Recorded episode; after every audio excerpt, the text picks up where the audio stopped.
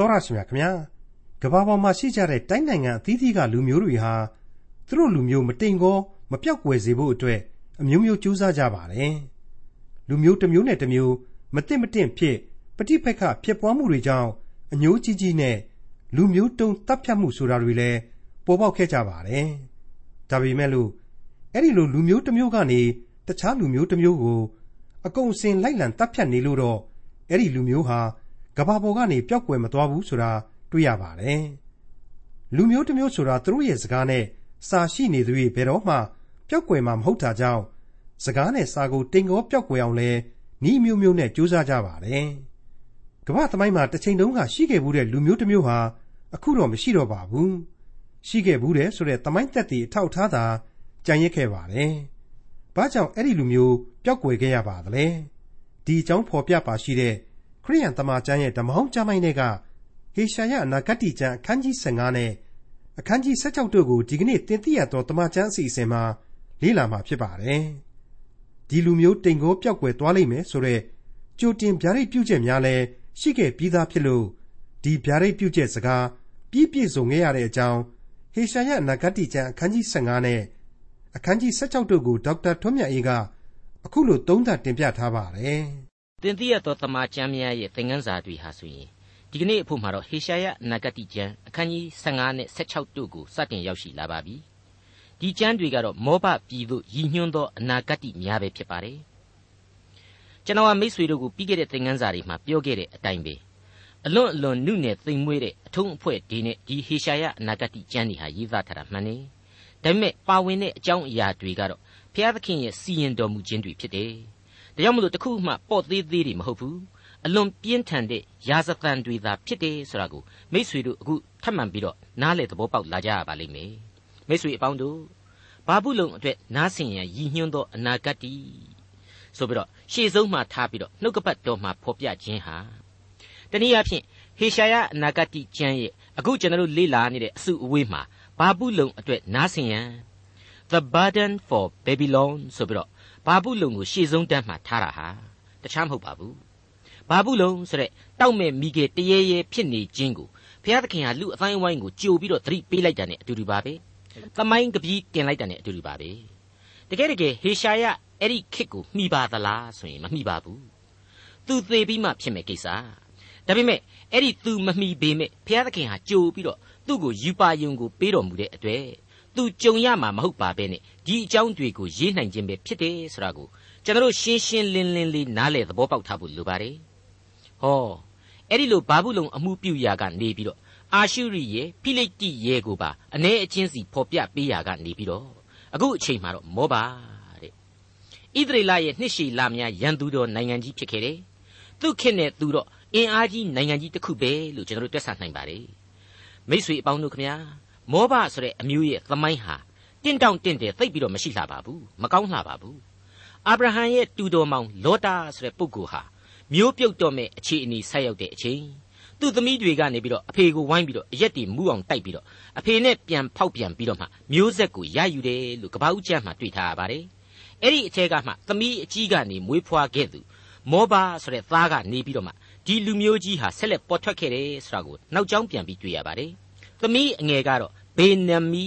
ဆိုတဲ့သားကိုမွေးဖွားတယ်။အဲ့ဒီအမျိုးအနွယ်ကနေပြီးတော့အံမုံဆိုတဲ့လူမျိုးတွေဖြစ်လာတယ်ဆိုတာကိုကျွန်တော်တို့အကြံပြင်းပြန်ပြီးတော့သတိရထားဖို့လိုပါတယ်။ကပ္ပဦးကျမ်းအခန်းကြီး19ရဲ့ဏိဂုံးပိုင်းတွေမှာဒီအကြောင်းတွေပါဝင်ပါတယ်။အသီးတရာအညာတစ်ခုဆိုတဲ့ရှုထောင့်ကနေပြီးပြောရင်တော့အာဗြဟံအမျိုးပေါ့။သူတို့နဲ့ဣသရေလနဲ့ဟာလေသိပ်ပြီးတော့သွေးမကင်းခဲ့ဘူးလို့ဆိုရမှာပါ။ဘယ်လိုပဲပြောပြောအဲ့ဒီလိုမကင်းတဲ့ဆွေမျိုးကိုပဲမောဘတွေဟာကျွန်ဘဝကသူတို့ထွက်လာကြရှာပါတယ် ငါတို့ကူညီလမ်းပြပေးပါမယ်ငါနေမြေမှာသူတို့ဘေးလွတ်ကင်းအောင်ငါပြုစုပေးမယ်ဆိုတာမျိုးသမိုင်းမှာမရှိခဲ့ဘူးအထူးသဖြင့်ဘာလဲဆိုရဲမောဘဘရင်ရဲ့လက်ထက်မှာဒုက္ခခရီးချမ်းကြီးတဲကကျွန်ဘဝကနေလွတ်မြောက်ခါစားဣသရေလတွေပို့ပြီးတော့ဒုက္ခရောက်အောင်ကျိန်ဆဲဖို့ဆိုပြီးတော့ဘာလန်ဆိုတဲ့ prophet ကြီးနဲ့တိုင်ပင်ပြီးတော့ကျိန်ဆဲခိုင်းခဲ့တယ်ဆိုတာကိုတောလဲရကျမ်းမှာကျွန်တော်တို့ပြန်ပြီးတော့တွေ့နိုင်ပါတယ်အဲ့ဒီနောက်ပိုင်းခေတ်ကျတော့မောဘပြည်မှာရေကြီးရမျက်နှူရဆိုပြီးတော့ဣသရေလတွေစီးပွားသွားပြီးတော့ရှာကြတယ်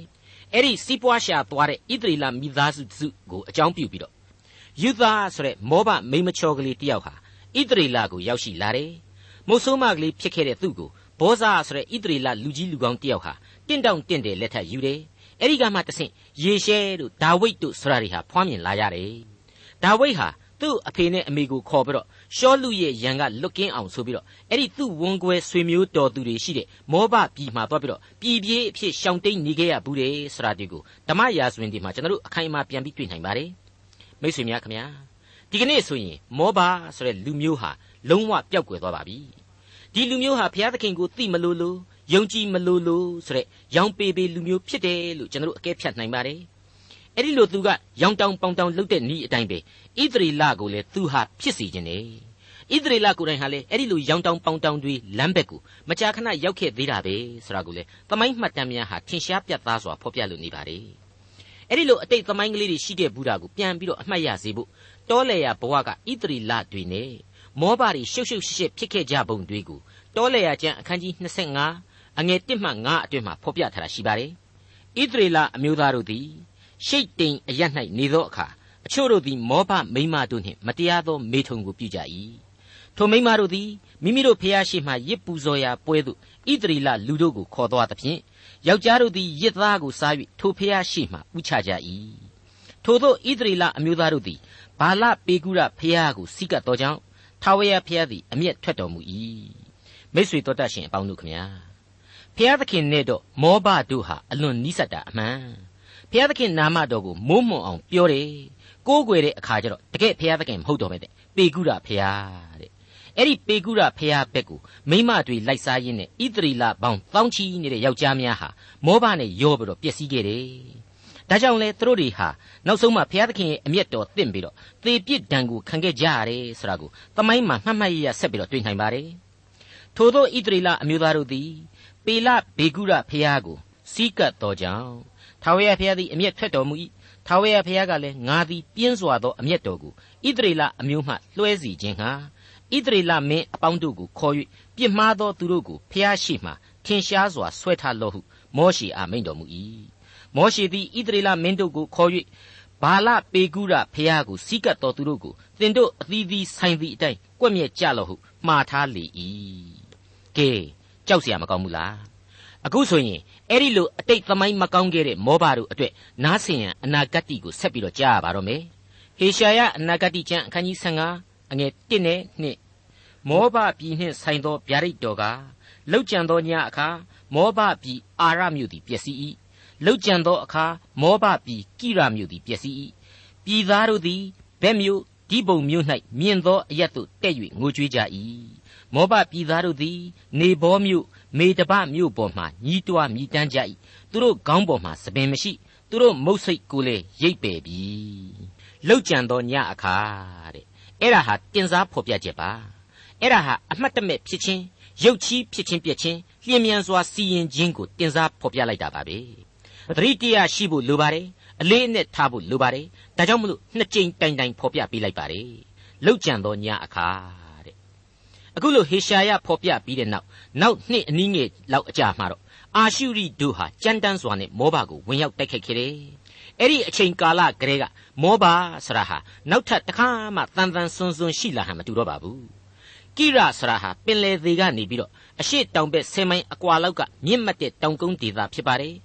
ဘဲမျိုးဆရာဟာချီမော့ရှ်လို့ခေါ်တဲ့နတ်ဖျားဗိမှန်တော်ကြီးရှိတဲ့မြို့လို့ခန့်မှန်းရပါတယ်နေဘောဆရာကတော့တခြားမဟုတ်ပါဘူး မောရှိကိုမင်းဒီတောင်ကိုတက်ပြီးတော့ခါနန်ပြည်ကိုကြည်ပြီးရင်မင်းအသက်ကိုငါရုပ်သိမ်းမယ်ဆိုတဲ့ဒေသပါပဲမိษွေတို့မှတ်မိကြပြန်ထင်ပါတယ်တရားဟောရကြမ်းပါလေအဖိုးကြီးမောရှိဘုရားသခင်ရဲ့အမိန့်တော်အတိုင်းအဲ့ဒီနေဘောတောင်တန်းကပိသကာဆိုတဲ့တောင်ထိပ်ကိုတက်ပြီးတော့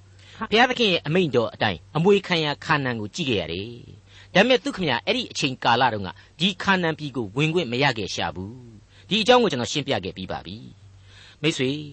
အခုမောဘပြည်တဲကမေတဘာဆိုတာကတော့ယောရှုမှတ်စာအရာဣသရေလရူဘင်အမျိုးအနွယ်တို့ကိုအမွေပေးခဲ့တဲ့ဒေသဖြစ်ပါတယ်အခုဟေရှာယရဲ့အချိန်ကာလမှာတော့မောဘတွေလက်ထဲကိုရောက်နေတယ်ဆိုတဲ့သဘောပါပဲတနည်းအားဖြင့်ဒီမောဘဆရာဟာဣသရေလနဲ့ဆွေမျိုးမကင်းတာမှန်တယ်ဒါပေမဲ့ရန်သူလူမျိုးပဲဟေရှာယအနာဂတိကျမ်းအခန်းကြီး15အငယ်3နဲ့4ကိုဆက်လက်နားဆွင့်ကြည့်ကြပါ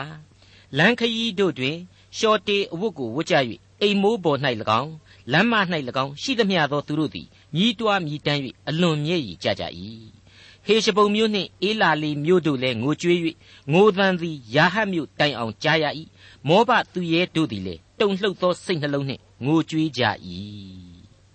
စစ်သားဆိုတဲ့လူတွေတောင်မှငိုရပြီဆိုကြတဲ့မောဘရဲ့အခြေအနေဟာဘလောက်ဆိုးတယ်ဆိုတာကိုခံမှန်းလို့ရနိုင်ပါပြီဟေရှာယနဂတိကျမ်းအခန်းကြီး15အငယ်9မှ9အဆုံးအထိ ငါနှလုံးသည်လေမောဘအဖို့ငိုကြွေး၏ပြေးသောသူတို့သည်သုံးနှစ်အသက်ရှိသောနွားမကဲ့သို့ဇောရမြို့တိုင်အောင်လဲကြ၏လူဟိတ်တောင်ပေါ်သို့မျက်ရည်ကျလျက်တက်ကြ၏ဟောရနိမ်မြို့သို့သွားသောလမ်း၌လည်းဆုံးရှုံးခြင်းအသံကိုလွှင့်ကြ၏အကြောင်းမူကားနိမရိန်ရေကန်တို့သည်စိတ်ညံ၍မြက်ပင်များသွေ့ချောက်ခဲ့ပြီပြိုးပင်များလည်းသေခဲ့ပြီစိမ့်သောအပင်တပင်မျှမရှိထို့ကြောင့်သူတို့သည်မိမိတို့စီးပူးသောဥစ္စာ သို့ထားသောဗန္တာများကိုမိုးမခပင်ကြိုင်သို့ယူသွားကြလိမ့်မည်ငိုကြွေးသောအသံသည်မောဘပြည်ကိုနှံပြလေညီးတွားမြည်တမ်းသောအသံသည်အေဂလိမ်မြို့တိုင်အောင်၎င်းဘေရအေလိမ်မြို့တိုင်အောင်၎င်းရောက်လေ၏အကြောင်းမူကားမုဒိန်မြို့ရေတို့သည်အသွေးနှင့်ပြည့်ကြ၏ဒီမုံမြို့အပေါ်၌အခြားသောဘေးများကို၎င်းလွတ်အောင်ပြေးသောမောဘပြည်သားနှင့်ကြံကျွင်းသောပြည်သားအပေါ်မှာရှင်သေတို့ကို၎င်းငါရောက်စေမည် မိတ်ဆွေတို့သေချာပြန်ပြီးတော့နားထောင်ကြည့်ကြပါနော်ငါနှလုံးသည်လေမောဘအဖို့ငိုကြွေး၏တဲ့မထူးဆန်းဘူးလားဟေရှာယကိုတော်တိုင်ဟာဟေရှာယကိုတိုင်ဟာမောဘရဲ့အဖြစ်ဆိုးတွေကြောင့်အယံစိတ်ထိကြရတယ်တဲ့မိတ်ဆွေဒါဟာအဖဖျားသခင်ရဲ့မေတ္တာသဘောထားကိုကြီးမုံမှန်ချက်ပမာဖော်ပြပေးလိုက်ခြင်းလို့ကျွန်တော်ဆိုချင်ပါတယ်ဟုတ်ပါတယ်လောကရန်တရားဆရာဟာဖျားသခင်ချထားပေးတဲ့တရားသာဖြစ်ပါတယ် ဒါကြောင့်လေလူအဖွဲ့အစည်းအတွင်းမှာသူဟာအပြစ်သားလူပေါင်းကိုတရားနဲ့အညီစီရင်ခြင်းတွေရှိခဲ့တာအမှန်အဲ့ဒီလိုစီရင်ခြင်းတွေကြားတဲ့ကပဲသူ့ကိုမပြတ်တမ်းဖက်တွေခွင်းဆိုတာကိုလေသူကိုယ်တိုင်ပေးချထားခဲ့တာဟာလေအမှန်ပဲဖြစ်ခဲ့ပါတယ်မိတ်ဆွေအပေါင်းတို့အဲ့ဒီလိုကျေးဇူးဂရုနာတော့တည်တဲ့အတွက်ကြောင့်လေဒီမေတ္တာတော်ရဲ့အကြောင်းကိုပေါ်လွင်အောင်နားလည်နိုင်စေဖို့အတွက်အခန်းကြီး16ဟာဆက်လက်ဖော်ပြပေးသွားပါလိမ့်မယ်ဟေရှာယနဂတိကျမ်းအခန်းကြီး16အငယ်1 မြေရှင်ထံသို့သိုးတငယ်ကိုပေးလိုက်ကြလော့သေလမြို့မှတောတလျှောက်လုံးဇီးုံသူတို့သမီးဤတောင်သို့ပေးလိုက်ကြလော့မိတ်ဆွေအတိတ်သမိုင်းမှာတုန်းကဆိုရင်မောဘပြည်ဟာဣသရေလတို့အတွက်သိုးနဲ့သိုးမွေးကိုဆက်သခဲ့ရတဲ့အစဉ်အလာရှိခဲ့ပူပါတယ်ဟေရှာယမတိုင်ခင်လွန်ခဲ့တဲ့နှစ်ပေါင်း150ခန်းကဖြစ်ရကလေးတစ်ခုနဲ့ဒါကိုပြန်ပြီးတော့ကြည့်ကြပါဓမ္မရာဇဝင်စရုပ်ထစာဆောင်အခန်းကြီး3အငယ်၄ကနေ9အတွင်းမှာအထင်ရှားပြန်ပြီးတွေ့ရပါလိမ့်မယ် မောဘမင်းကြီးမေရှာသည်သိုးဒိန်ကြီးဖြစ်၍ဣသရေလရှင်ဘုရင်အားသိုးတငယ်တသိန်းနှင့်အမွေးပါသောသိုးရီတသိန်းကိုဆက်ရ၏အာဟပ်သေသောအခါမောဘမင်းကြီးသည်ဣသရေလရှင်ဘုရင်ကိုပုန်ကန်လေ၏ထိုအခါယောယံမင်းကြီးသည်ရှမာရိမြို့ထဲကထွက်၍ဣသရေလအမျိုးသားအပေါင်းတို့ကိုစည်ရင်ယူ၏ယူရရှင်ဘုရင်ယောရှဖတ်ထံသို့လူကိုဆေလွှတ်၍မောဘမင်းကြီးသည်ငါ့ကိုပုန်ကန်ပြီး မောဘပြည်ကိုစစ်တိုက်ခြင်းဟာငါနှင့်အတူလိုက်မည်လောဟုမေးလျင်ယောရှဖတ်ကငါလိုက်မည်ငါသည်မင်းကြီးကဲ့သို့ဖြစ်၏ငါလူတို့သည်မင်းကြီး၏လူကဲ့သို့၎င်းငါမြင်းတို့သည်မင်းကြီး၏မြင်းကဲ့သို့၎င်းဖြစ်ကြသည်ဟုပြန်ပြော၏မိတ်ဆွေအခုဘုရားသခင်ကဗျာဒိတ်ပြုတ်ပေးလိုက်တာကတော့မြေရှင်ထံသို့သိုးတငယ်ကိုပေးလိုက်ကြပါတဲ့အံ့ဩဖို့မကောင်းဘူးလားရှေးကာလတုန်းကလို့စီးပွားပြစ်ပေးခိုင်းတာမဟုတ်ပါဘူး သိန်းနဲ့ချီပြီးတော့အကောင့်တွေကိုဆက်ကပ်ခိုင်းတာမဟုတ်ပါဘူးသိုးတငယ်ကိုပေးခြင်းအပြင်ဘုရားသခင်အတွက်ရစ်ပူဇော်လိုက်ကြပါလို့ဆိုလိုက်ခြင်းနဲ့အတူတူပဲဇီးအောင်တို့သမီးဤတောင်ကိုလည်းသေလားဆိုတဲ့မြို့ကစတဲ့တောတလျှောက်ကိုပေးလိုက်ပါတဲ့ဇီးအောင်တောင်ဆိုတာဟာတကယ်တော့ဘုရားသခင်ကတန်ရှင်းစေတဲ့အရာဒုတိယအချိန်ကြွလာတော်မူတဲ့အချိန်မှလည်းအဓိကအချက်အချာအရာပဲရှင်းရှင်းကလေးပြောရရင်တော့အခုဟေရှာယအနာဂတ်ကနေတဆင့်မောဘသားတွေကို မင်းတို့ဘုရားသခင်ကိုပြန်ပြီးတော့ကိုးကွယ်ကြပါဆိုတဲ့ချွင်းချက်ကလေးတစ်ခုပေးခဲ့တယ်ဆိုတဲ့အဓိပ္ပာယ်ရှိနေပါတယ်သူတို့အဲ့ဒီလိုသိုးတငယ်တကောင်ကိုပေးခဲ့ပါသလားဇီးုံတောင်အတွက်ရစ်ပူဇော်ခြင်းရှိခဲ့ပါသလားမရှိခဲ့ကြပါဘူးဟေရှာယအနာဂတိကျမ်းအခန်းကြီး16အငယ်1မှ4မိမိအဖိုက်ကိုစွန့်ပြေး၍လေရသောငှက်ကဲ့သို့မောဘသမီးတို့သည် အာနုံမြစ်ကူးရာကမ်းနားမှရှိကြလိမ့်မည်အကြံပေးလော့တရားသဖြင့်စီရင်လော့ မွန်းတဲ့အလင်းတဲ၌ညကဲ့သို့သင်၏အရေးကိုဖြစ်စေလော့နှင်ထုတ်သောသူတို့ကိုဖွက်ထားလော့ပြေးသောသူတို့ကိုမပြနှင့်မောဘပြည်မှနှင်ထုတ်သောသူတို့သည်သင်နှင့်အတူနေစေကြလော့ဖြက်စီးသောသူ၏လက်မှလွတ်စေခြင်းဟာသူတို့ကိုစောင့်မလော့သင်ကိုညှင်းဆဲသောသူမရှိဖြက်စီးသောသူပြတ်လေ၏နှိမ်နှင်းသောသူတို့ကိုမြေပေါ်ကပယ်ရှင်းလေပြီမိတ်ဆွေရင်နာစရာမြင်ကွင်းတွေစလာပြီ ဘုရားသခင်အတွက်ထိုက်တန်တဲ့ရစ်ပူဇော်ခြင်းလေးကိုပြုပါဆိုတာတောင်မပြုနိုင်ဘူးဘုရားသခင်ရဲ့ကျင့်ဝတ်တော်မူရာဇီးုံတောင်အတွက်ဆက်ကပ်ပါဆိုတာကိုတောင်မှမဆက်ကပ်နိုင်ဘူးဘုရားသခင်ကိုကြောခိုင်းခဲ့တယ်အဲ့ဒီအခါမှာတော့တိုင်းပြည်ကြီးစပြီးတော့ပြက်ပြီအာရှုရိတွေရန်ကြောင့်မောဘအမျိုးသမီးတွေဟာအာနုံဆိုတဲ့မြစ်ဘက်ကိုအိုးပြစ်အိမ်ပြစ်ထွက်ပြေးရတယ်ဆိုတဲ့သဘောပါပဲအဲ့ဒီအချိန်တိုင်အောင်မောဘသားတို့အတွက်ဘုရားသခင်ရဲ့ဗျာဒိတ်ဟာ ဒီပြည်သူပြည်သားတွေကိုဆက်လက်ပြီးတော့ဖြောင်းပြပြန်တယ်။သဲကြီးခံခဲ့ပြန်တယ်ဆိုတာကိုတစ်ခါထပ်ပြီးတွေ့ရပါတယ်။အကြံကောင်းညံကောင်းတွေထုတ်ကြတရားသဖြင့်ပြုကြတဲ့။ဘာဖြစ်လို့အဲ့ဒီလိုမှားရသလဲ။စဉ်းစားကြည့်ပါ။မောဘတွေဟာအကြံကောင်းညံကောင်းမရှိဘူး။ထင်ရမြင်ရတွေရှောက်လုပ်နေတယ်။တရားသဖြင့်မပြုဘူး။မတရားတွေရှောက်လုပ်နေကြတယ်ဆိုတာဘူးပေါ်လို့ပေါ်လာတယ်။မွန်းတဲ့အလင်းတဲ၌ညကဲ့သို့သင်ဤအရေးကိုဖြစ်စေလောတဲ့။အဲ့ဒါဟာ နှင်ထုတ်လိုက်သောသူတို့ကိုဖွက်ထားပေးပြီးတော့ပြေးသောသူတို့ကိုမပြနဲ့ဆိုတာနဲ့ဆက်ဆက်နေပါလေဟုတ်ပါတယ်မောဘဆိုတဲ့အရက်ဟာဣသရေလသားတွေအတွက်ရှေးခေတ်လူအဖွဲ့အစည်းမှာခိုနားရမည်ဖြစ်ပါတယ်ဘေးမဲ့ပေးရမည်လည်းဖြစ်ပါတယ်အင်္ဂလိပ်လိုကတော့ sanctuary လို့ခေါ်မယ်ထင်ပါတယ်အခုမောဘဟာအစဉ်အလာကိုဖောက်ဖျက်ပြီးတော့အကာအကွယ်မပေးတော့တဲ့အပြင်အာရှုရိတွေစီကိုထိုးထိုးအပ်နေတဲ့သဘောမျိုးတွေ့ရပါတယ်မင်းကွာအဲ့ဒီလိုတော့မရက်ဆက်ပါနဲ့ အရေးလိုပြန်ပြီးတော့အကွယ်အကာဆက်ပေးပါဆိုတဲ့တိုက်တွန်းသံတွေကိုဟေရှာယအနာဂတိကျမ်းนี่ဖော်ပြပေးလိုက်ပါတယ်မောဘပြည်မှနှင်ထုတ်သောသူတို့သည်သင်နှင့်အတူနေကြစေလောဆရာဟာအင်္ဂလိပ်သမာကျမ်းစာအရဆိုရင်မောဘပြည်မှနှင်ထုတ်သူတို့ခိုနားစေပါဆိုတဲ့သဘောကိုဆက်လက်ဖော်ပြထားခြင်းပါပဲ Let mine outcasts dwell with thee Moab ဆိုပြီးတော့တွေ့ရပါတယ်ဟေရှာယအနာဂတိကျမ်းအခန်းကြီး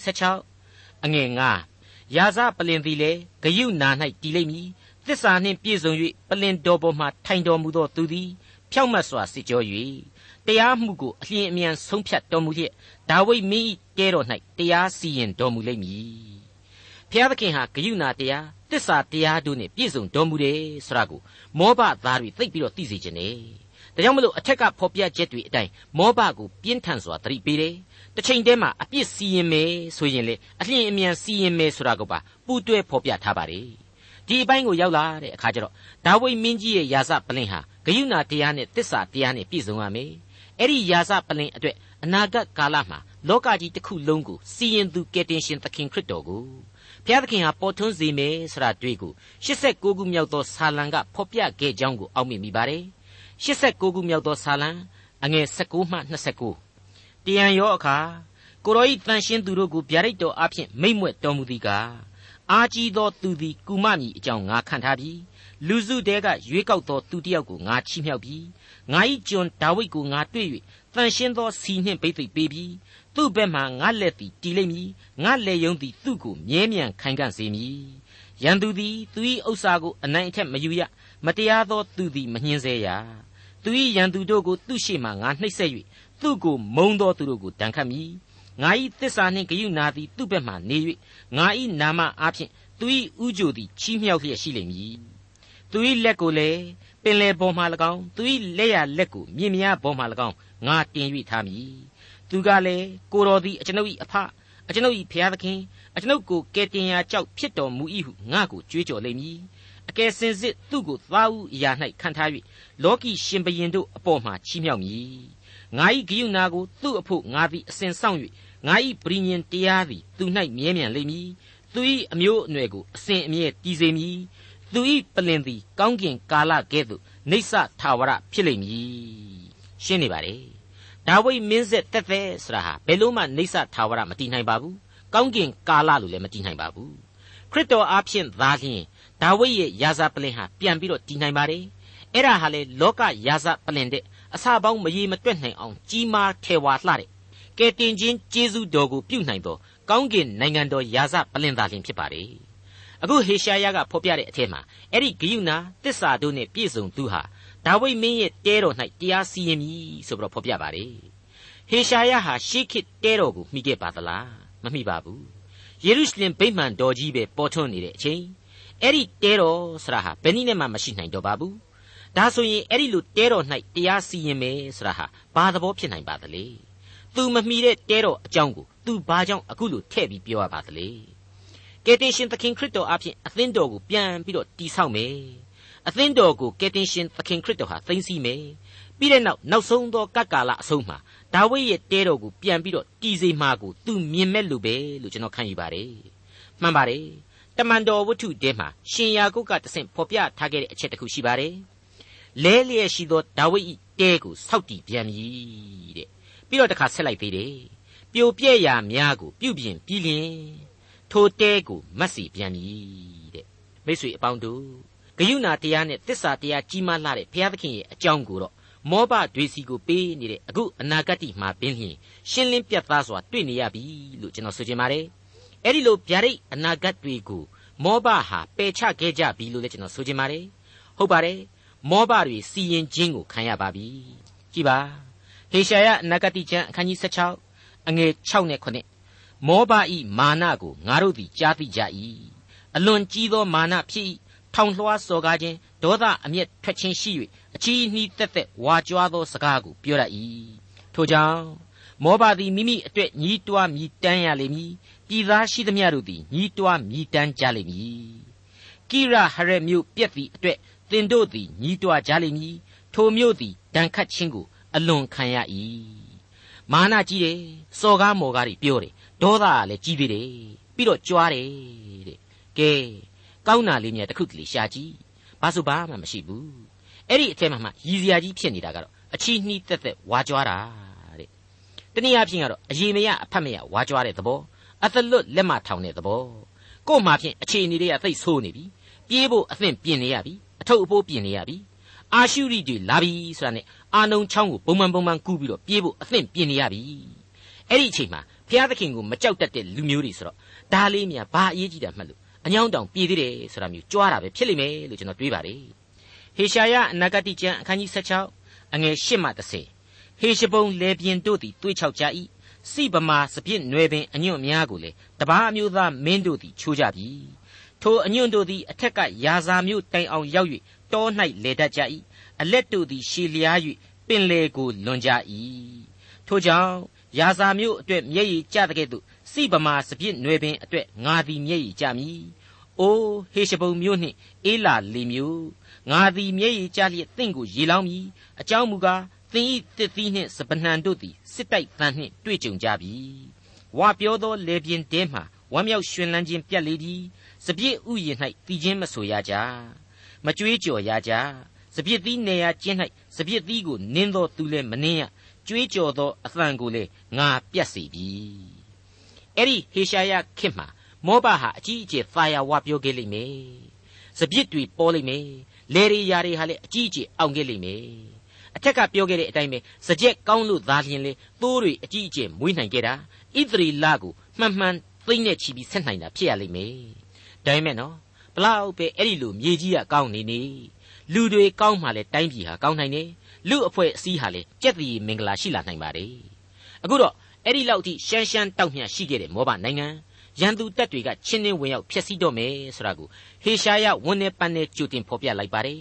ဒီနေရာမှာလဲဘုရားသခင်ရဲ့စီရင်တော်မူခြင်းနဲ့အတူဂယုဏယသဟာထပ်မံပေါ်ထွက်လာပြန်တယ်လို့ကျွန်တော်ဆိုချင်ပါတယ်ဟုတ်ပါတယ်